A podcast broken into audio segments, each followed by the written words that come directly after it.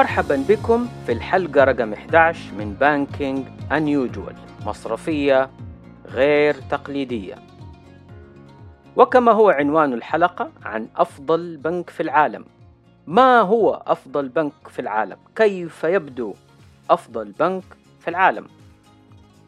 وهل يوجد حقيقة بنك واحد يستطيع أن يتسيد مشهد العمل المصرفي ويقدم نفسه كأفضل بنك في العالم؟ هناك العديد من الجوائز التي تقدمها منظمات وإصدارات ومجلات كلها متخصصة في القطاع المالي. بعضها مدفوع، بعضها ليس كذلك، ولأن الإقبال على هذه الجوائز أصبح مثل الهاجس أو الهوس لبعض المصارف وشركات القطاع المالي، فهذه المنظمات أو الإصدارات لم تجد بدا من اختراع جوائز لفئات وأصناف ومعاملات وقطاعات ومنتجات بهدف تكثير عدد الفائزين. وننتهي أحيانا إلى وضع غريب تلاقي كل البنوك في السوق كسبانة جوائز كلهم رهيبين وكلهم واو. طيب يا معلم سألت العملاء إيش رأيهم؟ ولا الهوى. في هذا الإطار البنوك عادة تقدم نفسها وتقول على حسب استبيان معين ليش يعتقدوا هم لازم يكسبوا الجائزة زي أي بيتش يعرض على لجنة من الخبراء المحللين ويقارن مع بيانات من قواعد البيانات المتوفرة ويحددوا الفائز. طبعا هذا غير أن كل منظمة تضع معاييرها وتضع لمعاييرها أوزان محددة. غالبا المعايير غير منشورة لكن محاور التقييم الرئيسية ممكن تكون محددة ومنشورة. بعضها موضوعي بعضها تقديري بعضها مزيج من الاثنين. وكل يغني على ليلاه. حنستعرض في هذه الحلقة أربع نماذج أو قوائم مرموقة ولها سمعتها اللي اكتسبتها عبر السنوات ما حيكون في اسم واحد له الأفضلية بالمطلق لكن حنسمع مع بعض تجارب بإذن الله لأول مرة تعرض بهذا الترتيب. banking unusual راح نبدأ بأمثلة قريبة من أخبار منشورة مؤخرا عن نتائج أفضل البنوك في عام 2021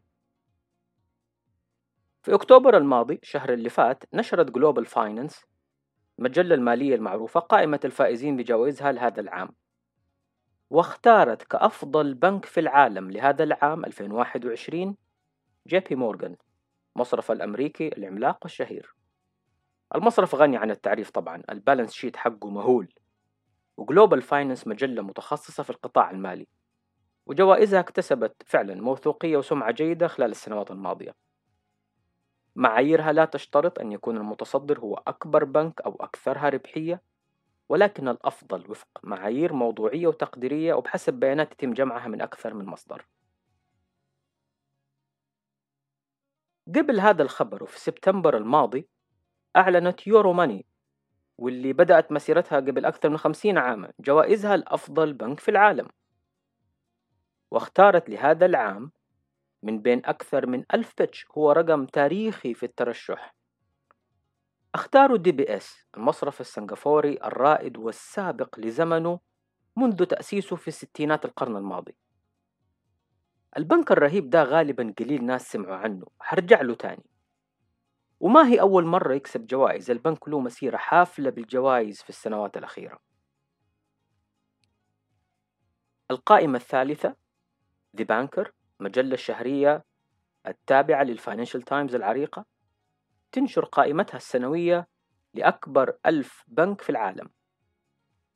قائمة العشرين الأكبر في العالم يتصدرها أربع بنوك صينية. يليها أربع بنوك أمريكية. أفضلها في الترتيب هو JP Morgan. ترتيبه الخامس. في ترتيب The Banker لكنه الأول كما ذكرنا قبل قليل بحسب Global Finance القائمة الرابعة نشرتها مجلة فوربس مجلة الأعمال برضو الشهيرة والغنية عن التعريف. الجميل في قائمة فوربس أنه إعدادها يتم بناء على آراء العملاء حول علاقتهم المصرفية الحالية أو السابقة وهذا العام 2021 سألوا 43 ألف عميل من 28 دولة. أنا عجبني جدا تقرير فوربس لأنه بيعكس تفضيلات العملاء الحالية في علاقتهم المصرفية ويعطيك انطباع معين بغض النظر عن حجم البنك وأدائه التشغيلي. انتبهوا لهذه النقاط جدا لأنه حنرجع لها قدام. حتشوفوا الفرق. ما في عميل قبل ما يقرر يتعامل مع أي بنك يهتم. إذا البنك عائده على الأصول أو عائده على حقوق الملكية ينسجم مع أداء السوق أو يتوف أو يتفوق عليه. أو يقول لك لا آسف ترى ال EPS حقكم غير مقنع بشوف بنك تاني. المشكلة أنه البنوك وهي تسوق لنفسها لإقناع العملاء بقوة العلامة التجارية تحب تستعرض بمثل هذه البيانات اللي في أحسن الأحوال. لو فهمها العميل ما تهمه كثير. خلينا ناخذ غطس عميق. deep dive يعني. داخل هذه التقارير وناخذ لمحات. نصيحة لا أحد يستخدم غطس عميق دي. يستخدم استخدم نظرة معمقة. أشيك من الترجمة الحرفية. قال غطس عميق. قال ما أعرف أي غطس. نبدأ ب Global Finance المتصدر كأفضل بنك في العالم لعام 2021 هو JP Morgan يتحدث جيمي دايمون عن اختيار JP Morgan كأفضل بنك في العالم ويحدد ثلاث محاور رئيسية خلف هذا الاختيار. أولا التغطية الواسعة للأسواق حيث يتواجد في أكثر من 100 سوق حول العالم. ثانيا تبني استراتيجية digital first وثالثا الاهتمام بقضايا الاستدامة. البنك له علاقة مع 80% من شركات ال Fortune 500 البنك ينفذ حوالات يوميا بحوالي 8 تريليون دولار. يوميا أوكي؟ 8 تريليون دولار. قيمة التداولات في الأسواق المالية اليومية التي يغطيها جي بي مورغان تتعدى 2.7 تريليون دولار يوميا. تريليون يا جماعة. هذا غير المبادرات المستمرة لتبني تقنيات الذكاء الاصطناعي مثلا. تقديم المشورة في قضايا الاستدامة من خلال مركز متخصص في ال carbon transition فرص التمويل الأخضر. مع العلم أنه دراع البنك للشركات والاستثمار حقق التعادل الكربوني في 2020 يوفر طاقته في جميع الأسواق اللي يتواجد فيها من مصادر متجددة. في مقابلة مع جيمي دايمون كان, يتح... كان يتكلم عن المنافسة القادمة والمحتدمة مع الصاعدين الجدد من قطاع التقنية المالية الفنتك. كمان ذكر عمالقة التكنولوجيا البيك تك.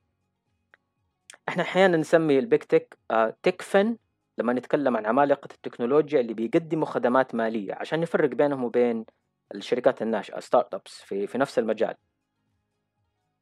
المقابلة هذه كانت في مارس 2021 من الأشياء اللي لفتت نظري في السياق حديثه عن فروع المصرفية التقليدية. شبكة فروع جي بي مورغان فيها خمسة آلاف فرع. إيش تتوقعوا حيعمل خلال السنتين القادمة؟ يلا شطار ها؟ غلط! راح يفتتح كمان 400 فرع زيادة ومو فروع صغيرة أو مجرد تواجد لأجل التواجد. لا هذه فروع شاملة. تقدم خدمات الأفراد خدمات التمويل خدمات إدارة الثروات المصرفية الخاصة تمويل المنشآت الصغيرة والمتوسطة. هذا قدامكم بنك مصنف أفضل بنك في العالم في 2021 وراح يفتتح 400 فرع جديد. طب ونمو الأعمال الرقمية والنموذج التشغيل الرقمي؟ هدي لأعصابك حبيبي. تعتقد بنك زي ده وبهذا الحجم مو عارف هو إيش قاعد يعمل؟ خلاص تكلمنا في الموضوع في الحلقة السابقة. الترند إغلاقات لكن الخيارات الاستراتيجية الثلاثة باقية. جي بي مورغان خياره يزيد افتتاح. 400 فرع. ليست مسألة صح أو غلط. Strategic choice. صحيح أنه هذه النوعية من القرارات والخيارات الاستراتيجية تعتمد في أحيان كثيرة على رهانات القادة داخل المنظمات على موازنات معينة قد لا تكون موجودة سوى في أذهانهم وقد تكون مدعومة ببيانات موثوقة الوقت فقط. يكشف من خلال النتائج. إذا ما كنا سنمتدح هذه القرارات أو الرهانات أو ننتقدها. هذا السيناريو لما يقلب يسموه كودك مومنت. أي أحد يعرف قصة كودك؟ يعرف إحنا بنتكلم عن إيش. الوقت حيقول. خلينا نشوف. طيب ناخذ القائمة الثانية. يورو ماني وخيارهم هذا العام لبنك ممكن ما هو مشهور مرة في منطقتنا باعتبار ميلنا في كثير من الأحيان للقصص القادمة من الغرب إلا أنه معروف في جنوب شرق آسيا بنك دي بي إس سنغافوري.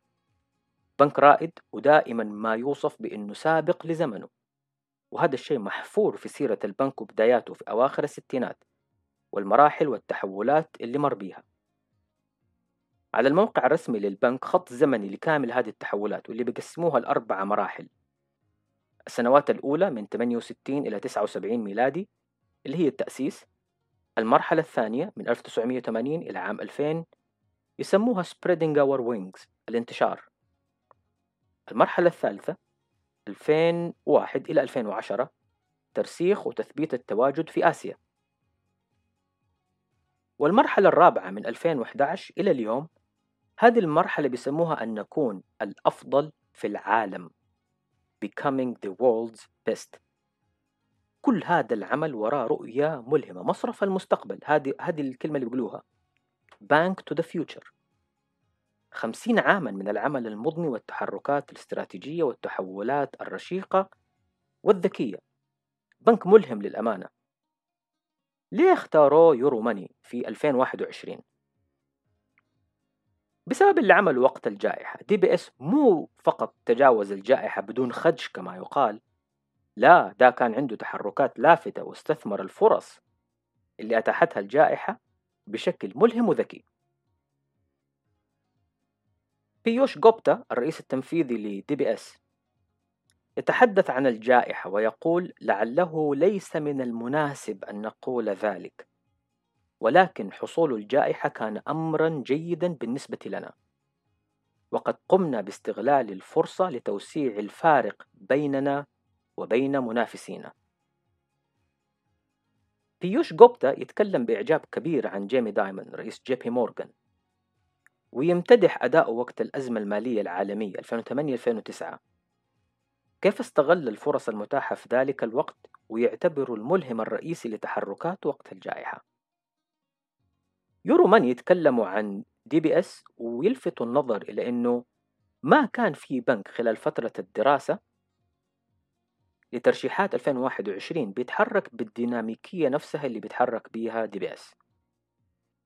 وهم فعليا اللي عملوه أربع تحركات في وسط العاصفة. في وقت الناس منتظرة الأمور تهدأ. استحوذ على بنك لاكشمي فيلاس وضمه لدي بي إس Bank India. واستحوذ على حصة 13% في شنزين Rural Commercial Bank وهي استحواذات راح تسمح للبنك بتعزيز تواجده في جنوب الهند وتغطية منطقة الخليج الكبرى اللي هي بتغطي غواندونغ هونغ كونغ وماكاو. في نفس الوقت أطلق بورصتين واحدة لتداول الأصول الرقمية والثانية تغطي ال carbon market. إيش المهم بالنسبة لي في قصة دي بي إس؟ انتبهوا انتبهوا معي الآن. اللي ممكن ما تعرفوه عن دي بي إس هو أنه قبل عدة سنوات بيوش جوبتا الرئيس التنفيذي نفسه كان يقول أنا أقدر أسس مصرف رقمي بالكامل بأربعين موظف. سواها وأسس digibank India. مصرف رقمي متكامل. يغطي كافة احتياجات الأفراد. والعنوان الرئيسي كان Welcome to the Unbank Welcome to إيش؟ To the Unbank. واخد لي بال حضرتك يا اسماعيل بيه. Welcome to the Unbank. وال customer value proposition حقهم إنه مو مفروض تضيع وقتك في معاملات مصرفية. إحنا سهلنا لك كل شيء عشان تخصص وقت أكثر للاستمتاع بحياتك. طبعا حتلاقي جميع العروض الأساسية حساب جاري حساب ادخار بطاقة ديبت كريدت حساب توفير.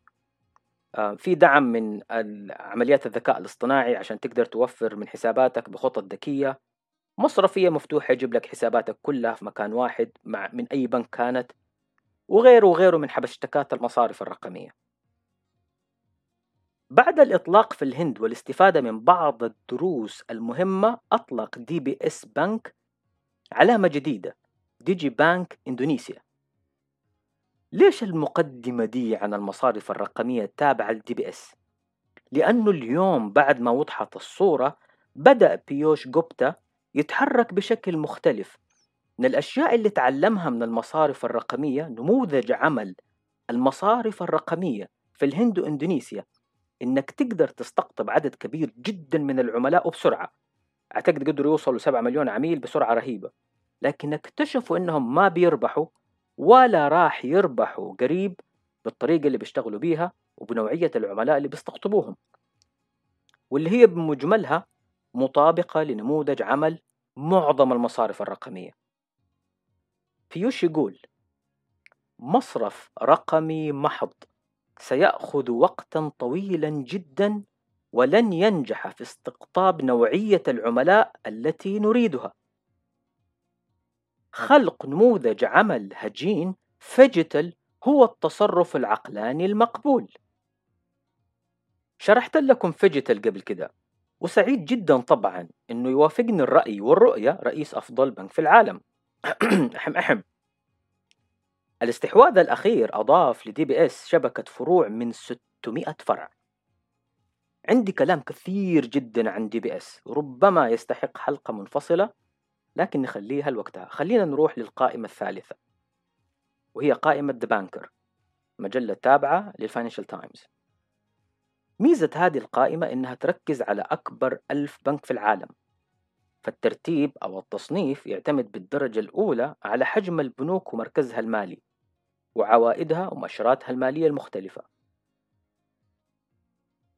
سأقتصر على إلقاء نظرة سريعة على قائمة أكبر 20 بنك في العالم بحسب ذا بانكر أول ملاحظة عامة مذكورة في مقدمة التقرير هي عن آثار الجائحة.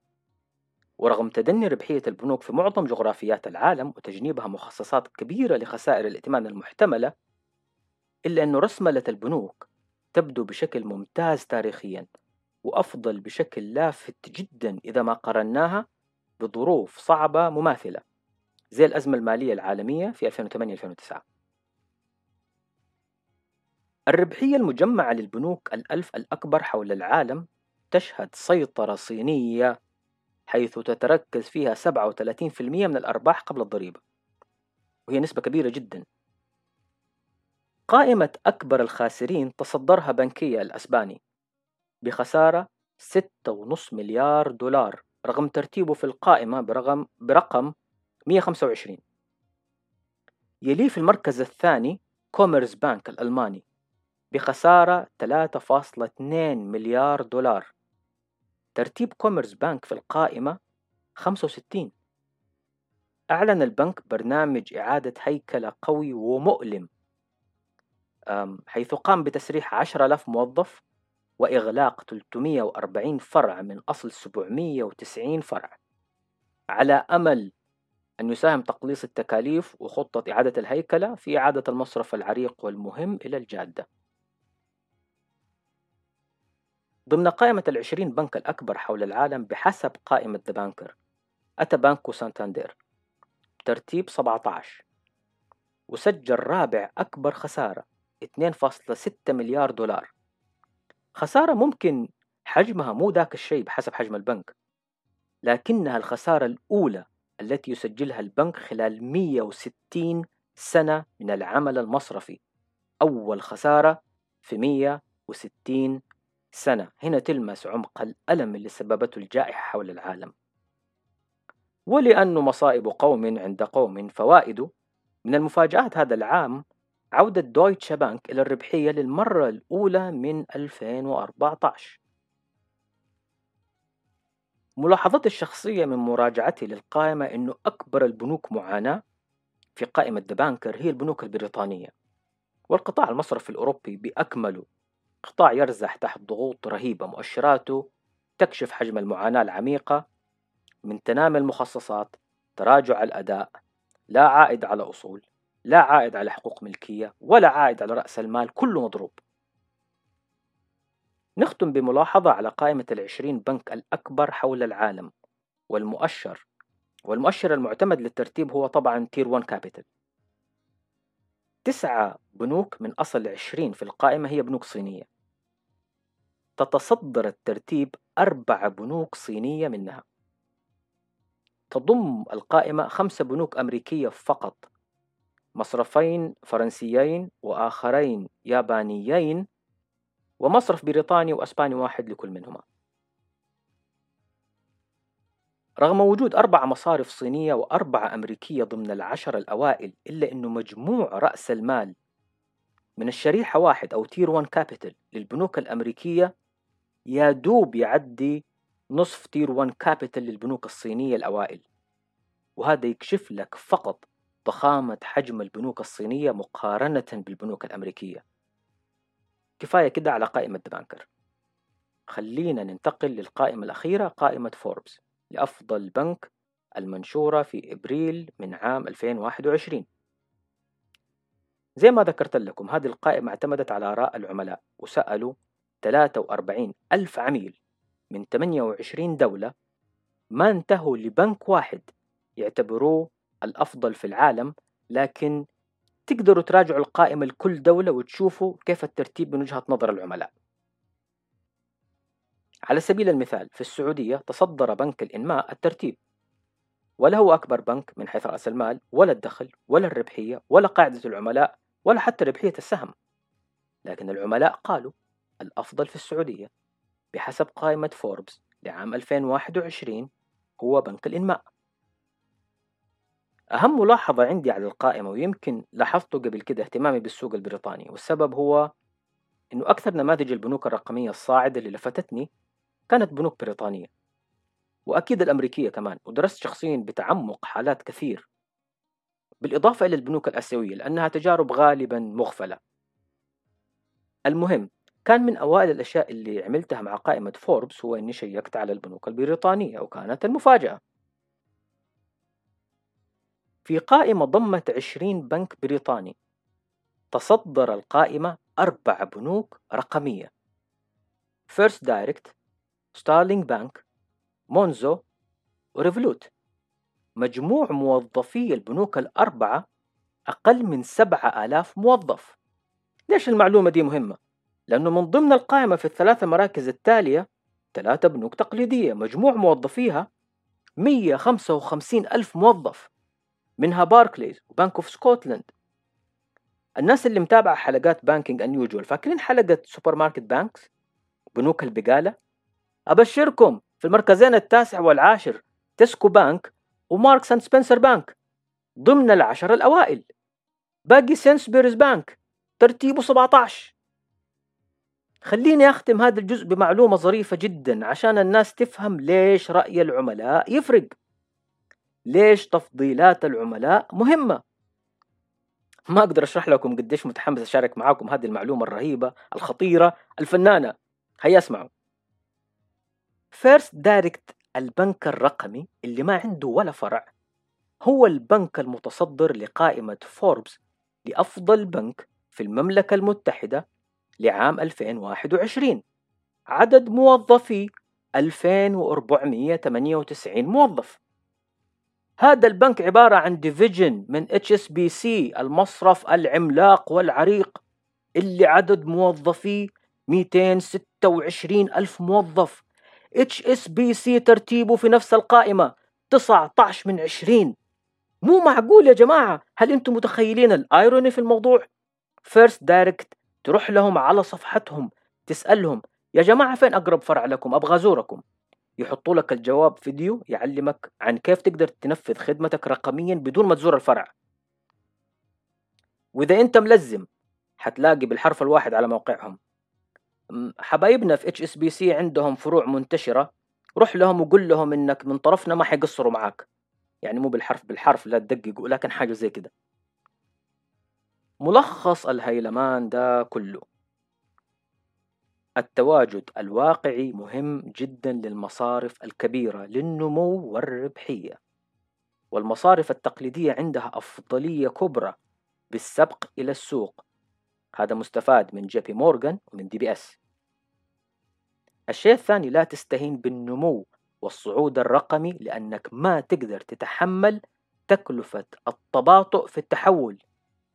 ليش؟ لأن هذا هو الشيء اللي بيدور عليه العملاء. ولك في البنوك البريطانية مثال صاعق في سوق عريق للغاية. تتصدر المشهد من وجهة نظر تفضيل العملاء بنوك رقمية في حضرة أكثر البنوك عراقة في العالم. ما تقدر تقنع أي عاقل أنه First Direct يملك إمكانيات أكبر من إمكانيات HSBC اللي يملك First Direct نفسها. مع ذلك تفضيل العملاء راح للمنتج اللي بدأ أكثر ابتكارا أسهل في التعامل من وجهة نظر العميل. ثالثا الربحية مهمة. ولا يوجد معنى من أن يكون لديك مركز مالي مهزوز أو عاجز عن تحقيق الربحية. البنك الكبير بنك مؤشرات وتتحدث عن نفسها. وأخيرا قضايا الاستدامة بيئية اجتماعية وحوكمة لا ينبغي أن تغيب عن مشهد التسويق لعلامتك التجارية. هذه قضايا أخلاقية مهمة. جزء منها واجب أخلاقي على المنظمات جزء آخر منها استجابة لتفضيل العملاء للتعامل مع منظمات مسؤولة أخلاقيا. إذا راعيت هذه الأربعة المحاور غالبا حتنتهي إنك تكون واحد من أفضل البنوك في العالم مو بالضرورة تكون أفضل بنك في العالم لكن تقدر تكون أو تقدر تضمن تكون ضمن قائمة أفضل البنوك في العالم على الأقل من وجهة نظر عملائك وصلنا إلى نهاية هذه الحلقة. شكرا لمتابعتكم بانكينج أنيوجول